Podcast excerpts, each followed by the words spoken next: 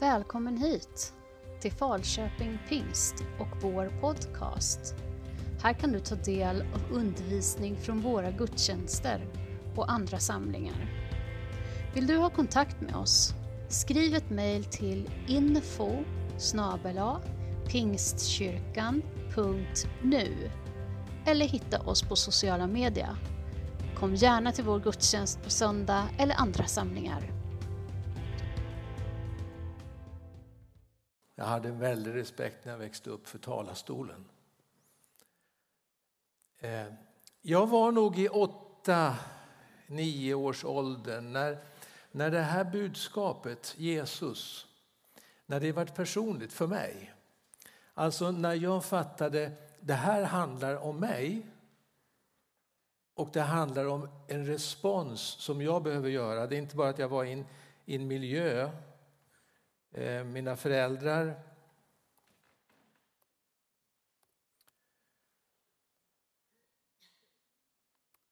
Nu kommer jag av mig lite grann här för att jag ska se till att vi är inloggade också.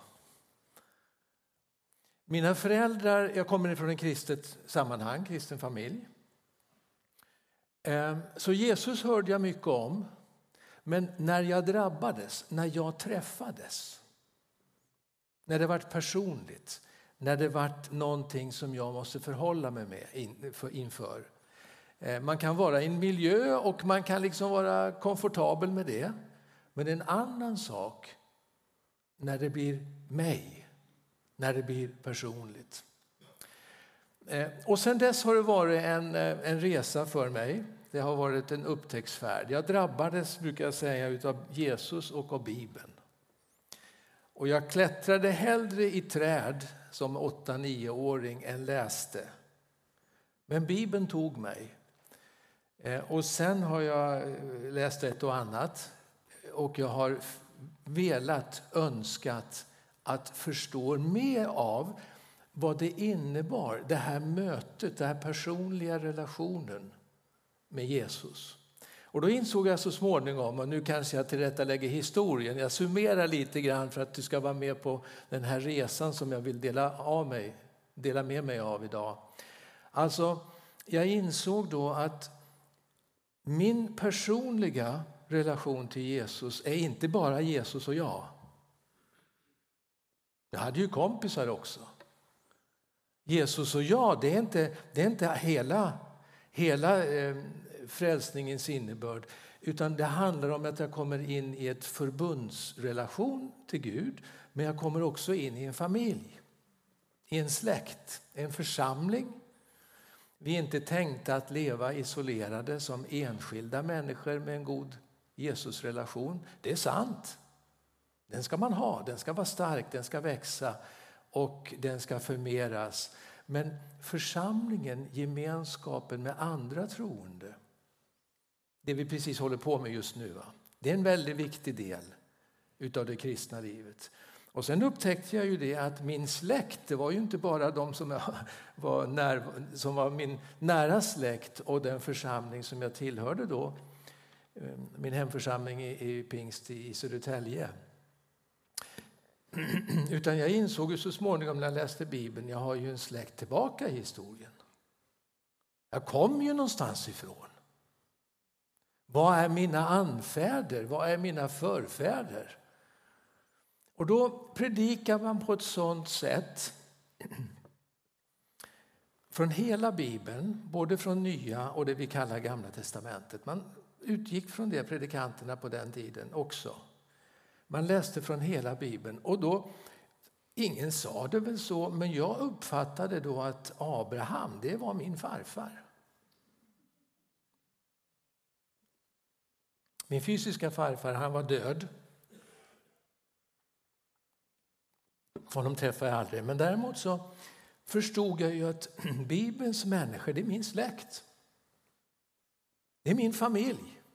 Och sen dess har det blivit en upptäcktsfärd, en släktforskning om du så vill, en släktresa. Vilka är jag släkt med och på vilket sätt har jag satts in i ett sammanhang? Och nu är är jag ju jätteglad för det här temat som vi har idag, både nu på förmiddagen det nya förbundet i mitt blod. Det är det temat som jag är ombedd att tala om. nu och sen i eftermiddag så fördjupar vi oss i eh, förbunden. Förbunden i Bibeln. Därför att det där hänger ihop. Förbund kanske inte är ett, så mycket ett ord vi använder i vardagssvenskan men det har lite grann att göra med att man, man ingår en relation som man bestämmer sig för. Och i de där förbunden så är det både löften och förpliktelser. När vi talar om att vi tror på Jesus, tror på Gud, då har det inte att göra med att vi har en, en trygghet i en övertygelse så att vi inte tvivlar och tänker är det sant, eller inte. Det är inte det det handlar om i första hand, utan tron är en relation. Jag har sagt ja till Jesus, det är en relation. Och att vara trogen och tro, de orden hör man ju på en gång, de är ju släkt. Va? Om man tror på någon då är man också trogen den personen. Och Guds löften är insatta i det här sammanhanget. Gud har lovat vara trogna honom när vi håller oss till honom. Tro och löften är alltså reglerade i ett förbund. Eh, och då ska jag börja med facit. Ibland så kan det vara klokt att göra det. Så, så, så vi vet var vi landar någonstans. Alltså vi är kallade, hela mänskligheten är kallade, vi är här därför att vi har bejakat en inbjudan att ingå i förbund med Herren. Och då i det bibliska perspektivet, då skriver Paulus så här i Efesierbrevet 2. Nu genom Kristus Jesus har ni som tidigare var långt borta kommit nära Gud genom Kristi blod. Och det där är ju för bibelläsaren begripligt men för en sekulär svensk är det fullständigt obegripligt. Och det är det jag ska försöka säga några kloka ord om. Längre fram i brevet, nu försöker jag förklara vad jag just har påstått, så säger Paulus så här i Efesierbrevet 3, kapitel, vers 6. Tack vare Kristus Jesus är hedningarna, alltså mina föräldrar är inte av judisk börd och då är jag per definition hedning. Det här är lite svårt ord på svenska men vi har inget annat så jag måste använda det. Hedning i Bibeln betyder att man inte är av judiskt ursprung.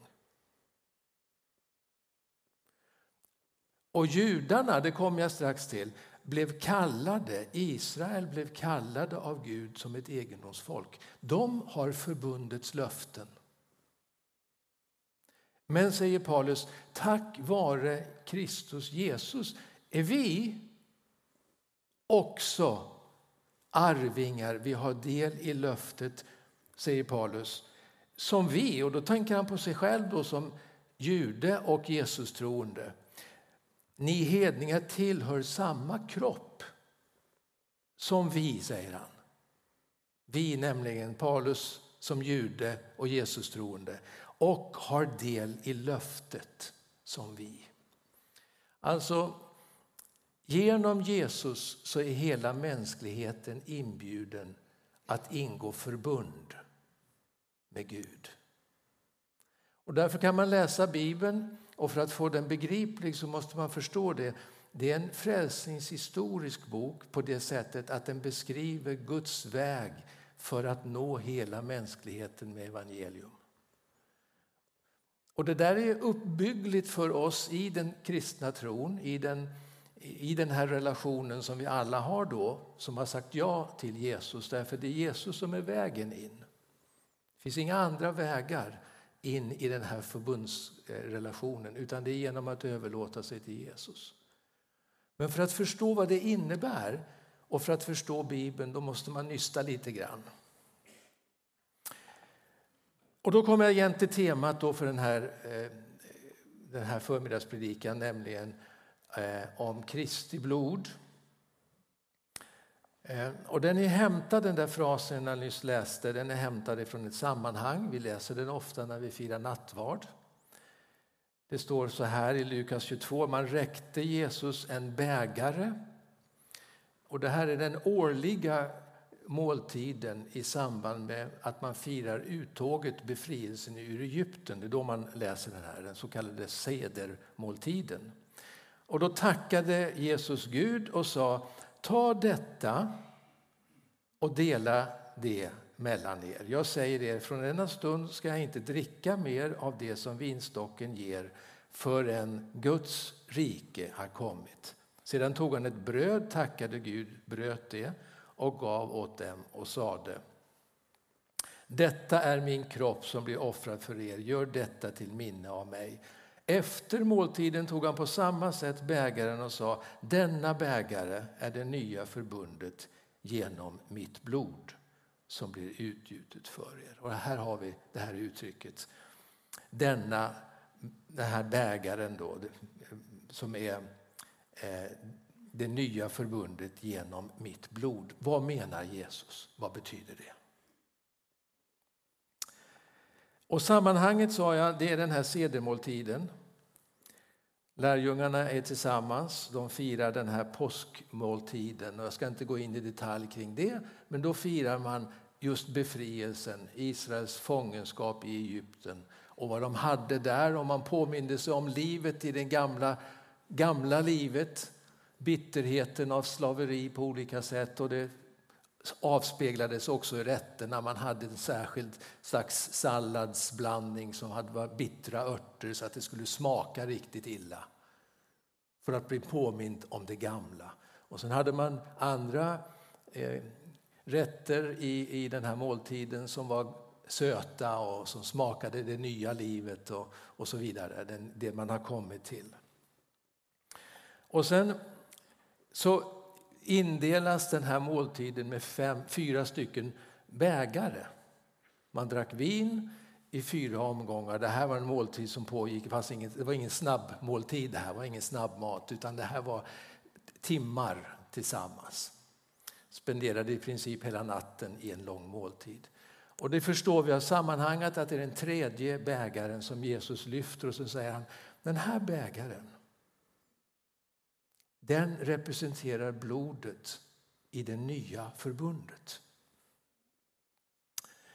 Eh, och det nya förbundet, eh, då finns det ju ett gammalt. va? Nytt och gammalt. Hur förhåller sig det nya till det gamla? Och vad menas med att vinet skulle vara blod som är utgjutet för oss? Eh, vad är det Jesus menar? Och det första jag kan påminna om här det är att Jesus här anknyter till en text i Gamla testamentet. En profet som heter Jeremia eh, som lever då sjätte århundradet före Jesu tid. Han profeterar, han, Gud meddelar genom honom, och nu läser jag in, till i 31 kapitlet. Dagar ska komma, säger Herren, då jag sluter ett nytt förbund med Israels hus och med Judahus. Inte som förbundet jag slöt med deras fäder den dag då jag tog deras hand och förde dem ut ur Egyptens land. Alltså, här blir det en, en återknytning i den här profetian till vad Israels folk har varit med om redan ganska långt tidigare, från Jeremia tid. Och han ska göra någonting nytt, ett nytt förbund. Om förbundet på Sinai, det återkommer jag, men det nya förbundet, hur skiljer den sig åt? Det första kan man ju säga, som man måste ställa frågan då, vilka är det som det nya förbundet sluts med enligt den här texten? Och här blir det, liksom kan man börja fundera. Jag gjorde nog det som grabb också, fundera men hur hänger det där ihop? Eh, jag tillhör det nya förbundet. Jag känner mig innesluten i det här, men texten säger ju att det här nya förbundet ska slutas med Israels hus och Juda hus. Och då vet ju den som läser bibeltexterna att under Gamla testamentets period, 600-talet i det här fallet där Jeremia eh, skriver, då, då, var ju, då var det ett nordrike och ett sydrike. Man, man, de tolv stammarna som Gud hade gett löfte till landet de hade splittrats i två länder. Och I norr kallar man det för Israel, Nordriket, och i söder då var det Juda. Och nu står det jag ska sluta ett nytt förbund med båda de här återförenade. Nordriket hade redan gått under när Jeremia profeterade detta. Det fanns inte. Israels hus fanns inte då, utan det var ockuperat av främmande makt. Men nya förbundet ska slutas alltså med det judiska folket. Det är det den här profetian säger. Och då blir ju frågan, men var kommer jag in i bilden då? Jag är ju inte av judisk börd som jag sa förut. Var kommer jag in? Hur blir jag delaktig? Ja, det är den resan som jag vill att vi fortsätter i. Är det okej? Okay? Denna bägare är det nya förbundet genom mitt blod som blir utgjutet för er. Blod är ju en ganska otrevlig företeelse för många av oss. En del har fobier för blod. Andra har det i sitt yrkesliv att man, eh, ska kalla det, hjälper människor med operationer och på andra sätt. Och man kan ge blod som till transfusion för andra så att mottar blod. Vad har blodet i det här sammanhanget för innebörd? Jo, det är det som representerar livet. Lite drastiskt kan man ju säga om, om en, en, en människa eller ett djur mister blodet så dör man. Utan blod kan man inte leva. Att utgjuta blod är ett annat sätt att säga att man dödar, man tar livet. Det här bägaren representerar mitt blod, säger Jesus. Om man då sätter sig in i sammanhanget när han firar den här nattvarden med lärjungarna då handlar det ju bara om några timmar tills han ska bli arresterad utav, Eh, utav eh, de som var hans fiender, de som ville se honom avrättad. Han arresteras och sen sätts det igång en, en rättsprocess. Det leder till att han avrättas på korset. Vi ska prata mer om det i eftermiddag. Han talar här alltså profetiskt själv om sin död. Den här bägaren representerar det som kommer att hända på korset. Jag såg ett kors någonstans. Kristens symbol för försoningen. Jesu död. Han gav sitt liv frivilligt för att vi skulle få leva. Eh, så han talar om sitt blod, alltså sin, sitt liv som han ger frivilligt. Och han talar om det som annorlunda i förhållande till tidigare. Eh, I det förbund som Gud sluter med, Sinai, med, med folket, Israels folk i Sinai, då står det så här. Mose tog blodet som han hade eh, fångat upp då, tappat upp ifrån ett offer och sen stänkte han det på folket. Och då kan man ju tycka det är ganska otrevligt. Blodfläckar är ju en del av de fläckar på kläderna som man, eh, hjälp mig nu, som är svårast att ta bort. Det kanske inte är så numera, men så, jag levde nog i den världen. Det är svårt att få bort blodfläckar riktigt från kläderna. Och hur trevligt är det? Här är någon som stänker ner oss med blod. Men då står det så här. Med detta blod bekräftas det förbund som Herren har slutit med er på grundval av alla dessa befallningar. Alltså, Tänk er nu, Moses står där och så har han folket framför sig, hundratusentals, kanske flera miljoner människor. Och sen stänker han blodet, offerblodet. Och då får man en droppe på sin kläder, då blir det en bekräftelse, jag är med. Det gäller mig. Jag får vara med. Jag har sagt ja i mitt hjärta till det som sker, men här, fläcken, det är en bekräftelse. Och det är det som är innebörden av att firar nattvard. Det är en måltid där du dricker kalken som en påminnelse om jag har en personlig relation, jag har tagit till mig budskapet men det är en bekräftelse på det är jag är en del utav det som är frälsningen. Några ord om blodets betydelse då i, i Gamla testamentet. Varför är blodet så viktigt? Så här står det i tredje Mosebok 17 och 11. Varje varelses liv är dess blod. Och jag har gett er blodet för att ni ska stänka det på altaret och bringa försoning åt er själva. Blodet ger försoning eftersom det är livet. Om man grunnar ordentligt, tänker igenom det som står här, då är det väldigt mycket i Gamla testamentet som blir begripligt. Och missförstår man det här, då missförstår man rätt mycket annat också. För då säger Paul, eller, eh, Gud genom Mose Blodet i det här sammanhanget, i tempeltjänsten, ni vet, det är ju, man hade ju tempel i Jerusalem, först ett tabernakel, ett tält som var mobilt och sen blev det ett permanent tempel. Och det som var det viktiga med templet, det var inte ceremonierna och allt det som hände där eh, i sig. Många som sjöng och det var fint och det hörde till och det var bra. Men det som var själva navet, det var när man offrade djur. Varje dag, morgon och kväll, hade man försoningsoffer. Gud hade instiftat det. Och varför då? Jo, man ska ta blodet från de här små lammen, både på morgonen och eftermiddagen. Och sen ska man stänka det, står det här, på altaret. Och det ska bringa försoning.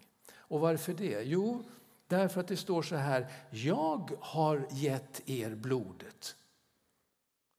Alltså offren i Gamla testamentet med djuren och allt detta.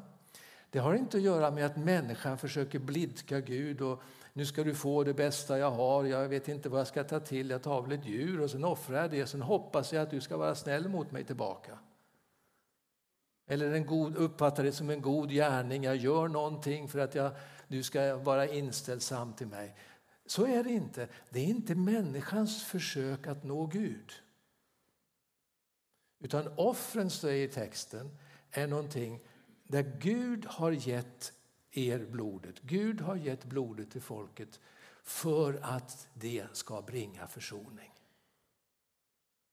Och här är det ett mirakel att det kunde ske. Det var inte den kemiska substansen i blodet eller att det var magi eller någonting. Utan Gud har sagt det finns en väg att bli ren.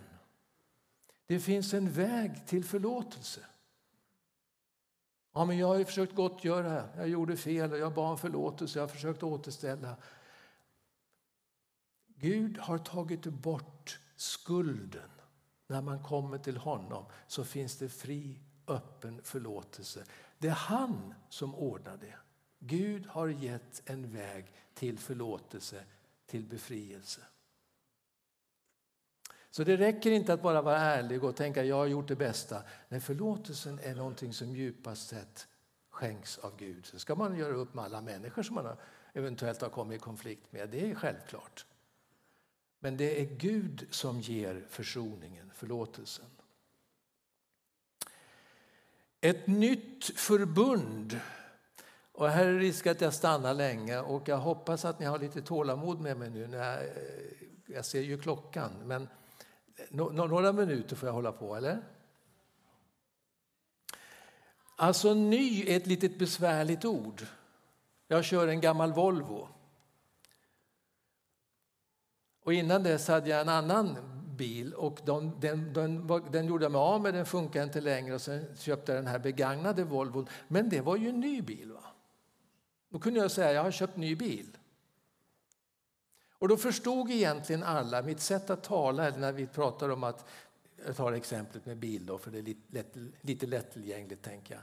Då, då tänker man nu har jag skaffat en, när jag säger så här att jag har köpt ny bil, då menar man att jag gjorde mig av med den gamla, sen har jag en ny som är registrerad på mig. Den andra avregistrerar jag. Om jag säger så här, jag har köpt, jag har köpt en ny bil, så menar jag oftast inte att jag har köpt en till. Så att jag har två bilar. Är, är ni med på? Så vi är överens om hur vi talar och vad vi menar. Alltså, om man köper en ny bil så tänker vi ofta att den gamla försvinner. Det nya förbundet är inte en ersättning för det gamla. Utan här faktiskt betyder inte ny att man har bytt ut det ena till det andra. Utan det har snarare med förnyelse att göra. Att man uppdaterar det till en bättre version. Mer av samma sak. Eh, jag stannar där och sen går jag vidare till Hebreerbrevet kapitel 9, vers 15. Där står det så här. Därför är det ett nytt förbund som Kristus förmedlar för att de kallade ska få det utlovade eviga livet sedan han dött för att befria dem från överträdelserna under det förra förbundet. Och här hisnar ju tanken lite grann. Alltså att Jesu död på korset det fick effekter framåt i tiden, för det är därför jag får vara med. Men det fick också effekter tillbaka i tiden. Det var det som gjorde att det var förlåtelse genom blodet som offrades i templet. Den verksamma delen, förlåtelsen för försoningen under gamla förbundets tid, det var Jesu död på korset. Han fullkomnar det som redan fanns. Får jag ta med på den här resan nu om några förbund i Bibeln? Eftersom det nya förbundet förutsätter gamla förbund och det är bra att ha koll på vilka, vad de gamla förbunden är. Va?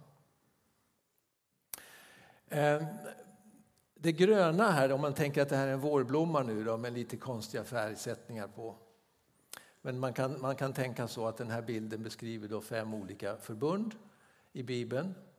Eh, och jag börjar med Noa och sen kommer Abrahamförbundet, Sinai-förbundet med Israels folk och David får vara med och sen kommer det nya förbundet som vi har fått del av. Eh, Herren sa till Noa, gå in i arken med hela din familj. Dig har jag nämligen funnit rättfärdig inför mig i detta släkte. Så han byggde en båt, han räddades undan. Och sen säger han, Herren, jag upprättar nu ett förbund med er, med mänskligheten och era efter, er och era efterkommande med alla levande varelser som finns hos er. Alltså Gud upprättar ett förbund med Noa som gäller hela mänskligheten. Det ska komma en dag där den upprättas. Det byggs vidare kan man säga. Det förbundet utvecklas steg två i frälsningshistorien när Gud kommer till Abraham. Säg att Abraham lever på ungefär 2000-talet före Jesu tid. Och då kallas Abraham, han heter Abram från början men får namnet Abraham så därför blir det inte en förveckling i den här texten. Gud säger, Herren säger till Abraham, gå ut från ditt land och din släkt och din fars hus och bege dig till det land som jag ska visa dig. Där ska jag göra dig till ett stort folk. Jag ska välsigna dig och göra ditt namn stort och du ska bli en välsignelse. Och då kan man tänka så här, vem skulle acceptera ett sånt här villkor i vår tid? Gå ut från ditt land och din släkt. Ja, det är många i vår tid och jag är så glad att se att hela Sverige är representerat. Jag märkte ju det när jag kom in och såg att här finns hela Sverige. Vi är från olika bakgrund, olika nationalitet. Vi har förenats, blivit ett. Vi har hittat Jesus. Gå ut från ditt land. Här är en frivillig, en kallelse att frivilligt lämna ett land och gå. Vart ska han då? Vart skulle Abraham? Och jag ska tala om det. Du ska bara lämna. Din kallelse är att lämna där du kommer ifrån. Destinationen, adressen, finns inte. Gå bara så länge tills jag säger att nu är det dags att stanna. Då är du framme. Det är den livsvandring som Abraham kallas till. I total förtröstan, tillgivenhet och lydnad för honom som han har en relation till. Relationen till Herren som gör att han egentligen begår ett självmord kan man säga. För hans, hans, all hans egen ambition och allt det som han hade målat ut i livet, det säljer han ut. Kommer ensam. Men Gud gör någonting av honom. Den hänförelsen, den tryggheten, den tron som Abraham visar, det gör att han blev också en välsignelse, till och med för oss. Så vi sitter här som hans släktingar, som hans avkomma egentligen, i den bibliska meningen. Vi ska inte fördjupa oss i, i kartan, men, men, bara för att sätta in det i ett sammanhang. Det är ungefär Kuwait, strax norr om Kuwait. Det var där Abraham växte upp. Och sen kommer han till nuvarande Harran i, i södra delen av Sudan, eh, av Syrien, norra norra Syrien mot gränsen till Turkiet. Vi, läs, vi hör talas om jordbävningar och andra hemskheter just från det området. Och sen ska han gå därifrån till landet som Gud hade gett honom. Herrens ord kommer till Abraham i en syn. Var inte rädd, Abraham. Jag är din sköld. Din lön ska bli mycket stor. Ha förtroende för mig. Förtrösta på mig. Du har inte förmågan själv, men ha förtroende för. Förstärks i relationen till Herren. Det är det som är uppmaningen. Jag har allt under kontroll.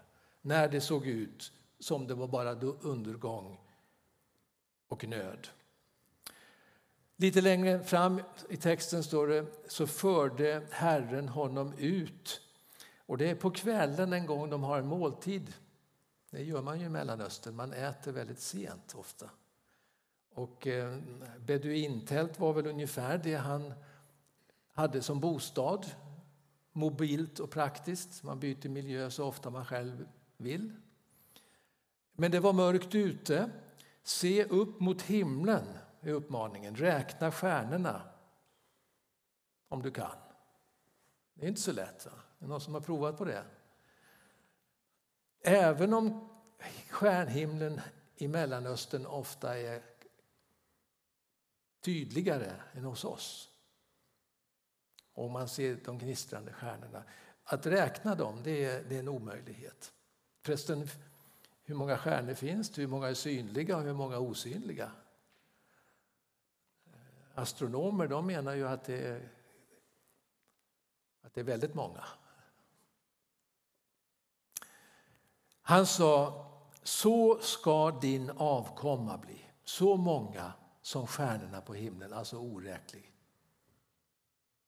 Så många ättlingar ska du få. Och ändå så hade han ingen son i det läget.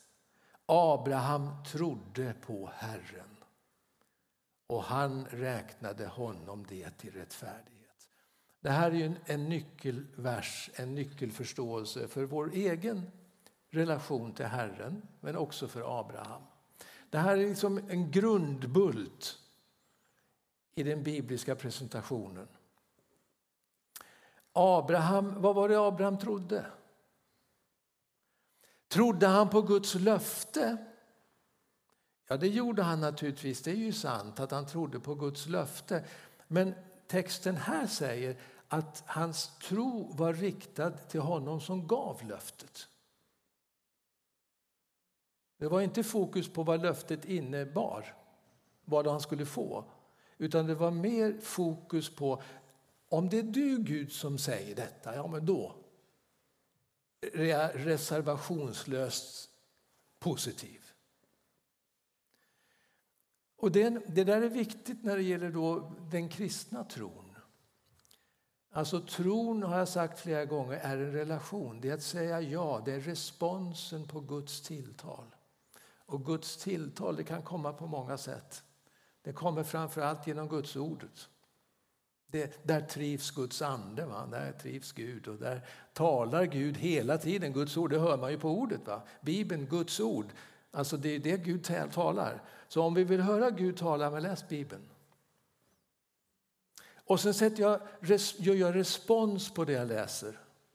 Jag möter honom som talar i texten och säger ja, det här är budskap till mig. Ja, men det är tro. När du tar det till dig, bygger relationen. Det är inte tro på min tro som gör skillnaden, utan det är tron på honom. Och då står det så här att eftersom Abraham förlitade sig på Herren så räknade Herren honom detta till rättfärdighet. Och här är ett annat sånt där viktigt begrepp i Bibeln som, som, som är, eh, ibland man kan lätt missförstå. Vad rättfärdighet betyder det är också en relationsterm. Det har inte att göra med kvaliteten. Det är inte så att Gud säger att nu har du visat att du är så präktig och, och duktig och du är så trofast och du är så eh, allt möjligt. Du har så goda kvaliteter och så där så att nu ska, så ska jag godkänna dig. Det är inte en examensdag det här. Utan Abraham sätter tilltro till Herren, till Herrens budskap. Och det är det som är grunden. Att han blir rättfärdig, att han får en relation till Gud som är utan någon fnurra på tråden. Ja, men jag försöker tro på Gud och jag försöker leva ett bra liv och jag känner att jag inte riktigt vågar se Gud i ögonen. Och då är budskapet, det är för Jesus skull vad han har gjort som är grunden för din relation till Gud. Det är det som är att tro på Herren. Därför att Abraham trodde på Herren. Och om man nu går bakom den svenska texten så ska man se att här används det namn som är Guds egen namn. Jag heter ju Göran därför mina föräldrar tyckte att det skulle passa. Men det, det, är ju bara en beteckning. Va? De gillade det namnet. Och jag har flera i min åldersgrupp som heter Göran. Därför att trenden var så på den tiden. Men när Gud ger namn och när Gud har ett namn så är det inte en beteckning på att det låter och klingar vackert utan det är en beskrivning på hur den här personen är. Så när Guds egennamn används då är det Guds person det handlar om. Så vem är Gud? Och det sjöng vi om förut i lovsånger här, och vem Gud är. Och han har ett namn, men det var på Bibelns tid så respekterat så att man använde inte det. Utan man sa Herren istället. Man sa inte egennamnet. Va? Det var bara översteprästen som gjorde det. När han uttalade den aronitiska välsignelsen. Men annars så sa man Herren, Adonai. Om man nu går till Romarbrevet 10 så står det så här. Om du med din mun bekänner att Jesus är Herren och i ditt hjärta tror att Gud har uppväckt honom från de döda ska du bli frälst. Och då kan man tänka, om man läser lite slarvigt eller sådär, kan man tänka jo, men att Jesus är Herre det betyder väl att han är, är, är större än kommunordföranden eller har mer makt än statsministern kanske eller att han har mer makt än någon annan politisk innehavare. Han är störst, han är mäktigast. Och det är något av sant. Med all respekt för människor med höga positioner. Jag har inget problem med det. Men när man säger att Jesus är Herren så är det mer än att han är ledare, är större än någon av ledare av en supermakt. Det betyder att han bär det namnet som är Guds egen namn. Och då känner vi direkt, ja men det var ju det Abraham hade tilltro till. Han trodde på Herren, trodde på honom som hade det namn som är över alla namn.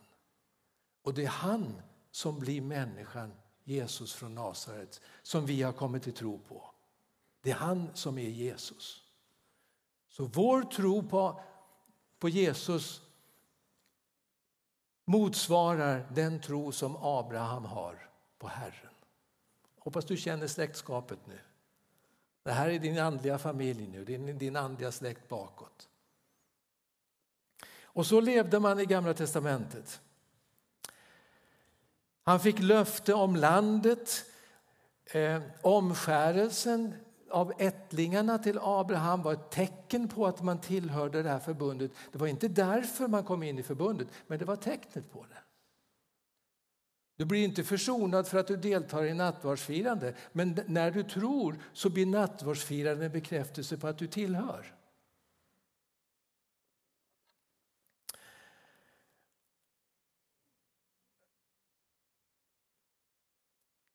Jag läste den där, så jag går framåt raskt i tiden. Har jag fem minuter till? Är det okej? Okay?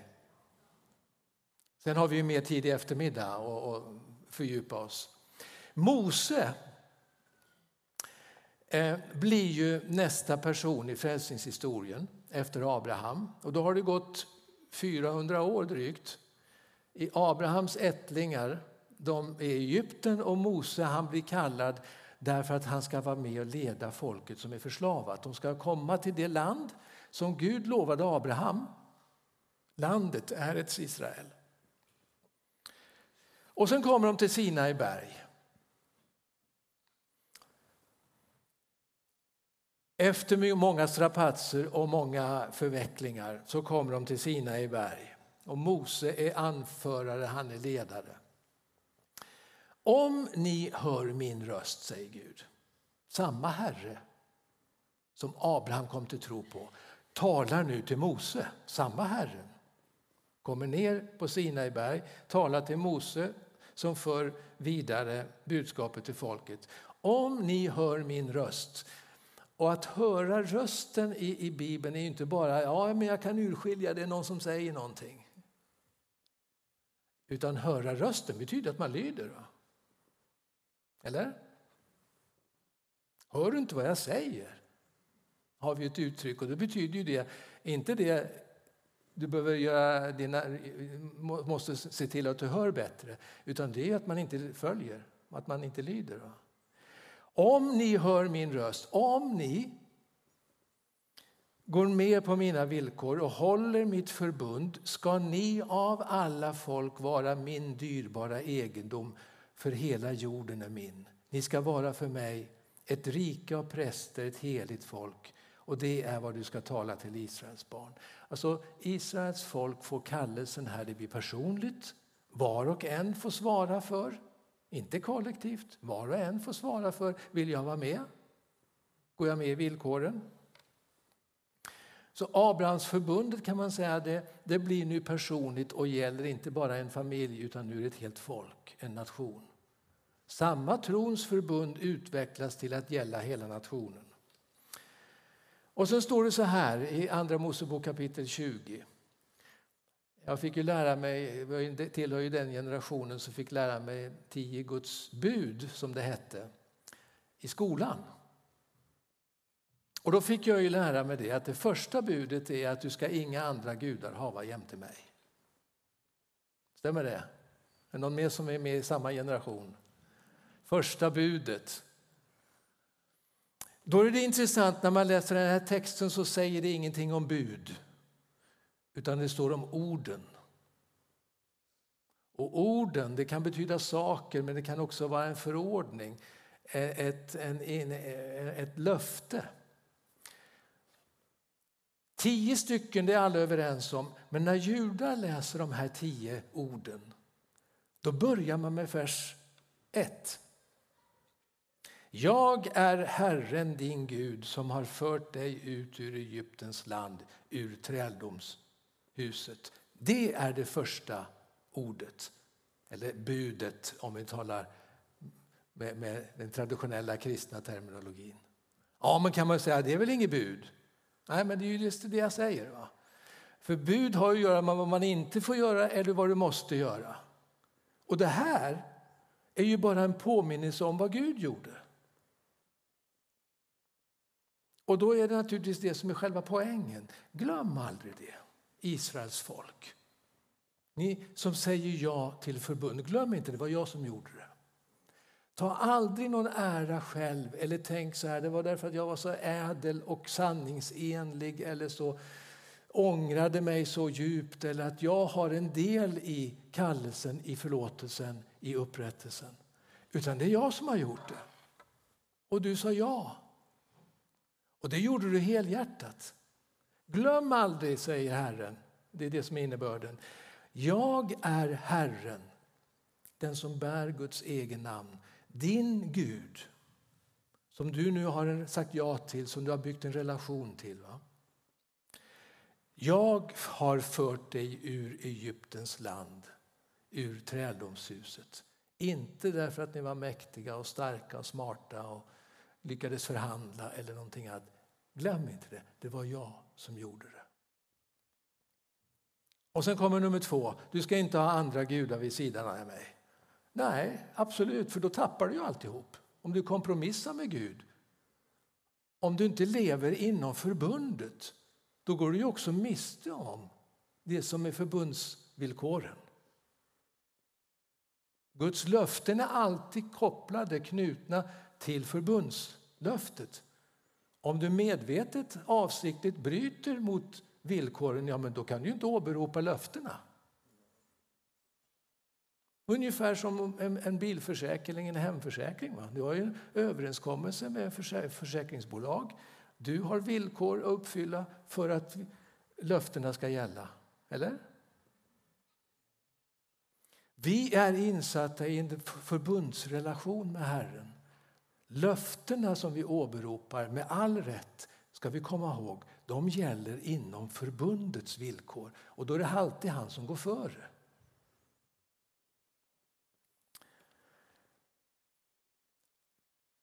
Konsekvensen av det här bland annat är ju att lagen har aldrig varit en väg till frälsning.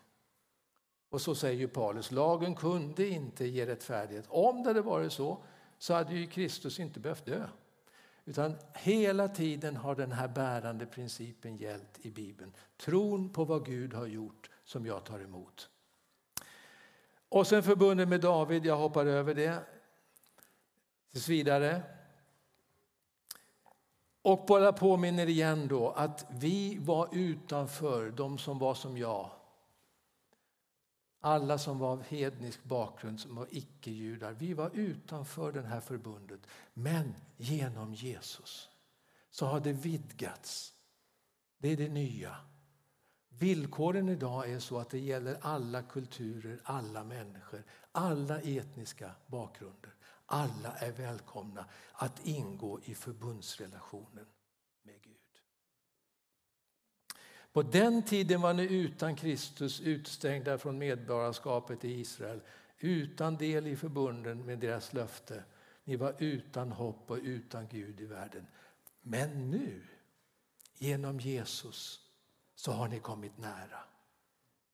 Vi delar förbundet med Guds egendomsfolk.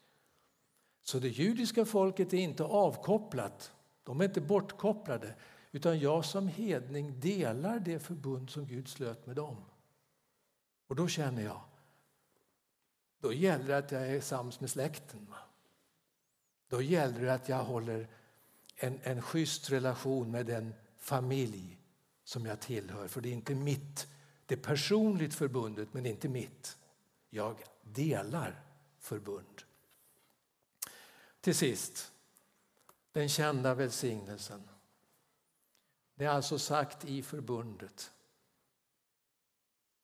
De som Gud har slutit ett förbund. De kan räkna med Herrens välsignelse. Och den som inte har slutit förbund är välkommen in. Så det är absolut rättvisa, absolut möjlighet. Alla är välkomna in i förbundsrelationen. Men den som har del i förbundet, som har sagt ja till Herren, ska man veta, Herren välsignar dig. Det är han som bevarar dig. Herren låter sitt ansikte lysa över dig och vare dig nådig. Herren vänder sitt ansikte till dig och giver dig frid. Det är till oss genom Jesus. Och då är det personligt. Det är inte bara för alla andra, men vi delar det med andra. Men det är för oss. Jesus, tack att du kom, tack att du gav ditt liv. Tack att du öppnade en ny levande väg, en förnyad levande väg till skapelsen, till skaparen och att vi har fått del genom dig i det nya livet och relationen till dig. I Jesu namn. Amen.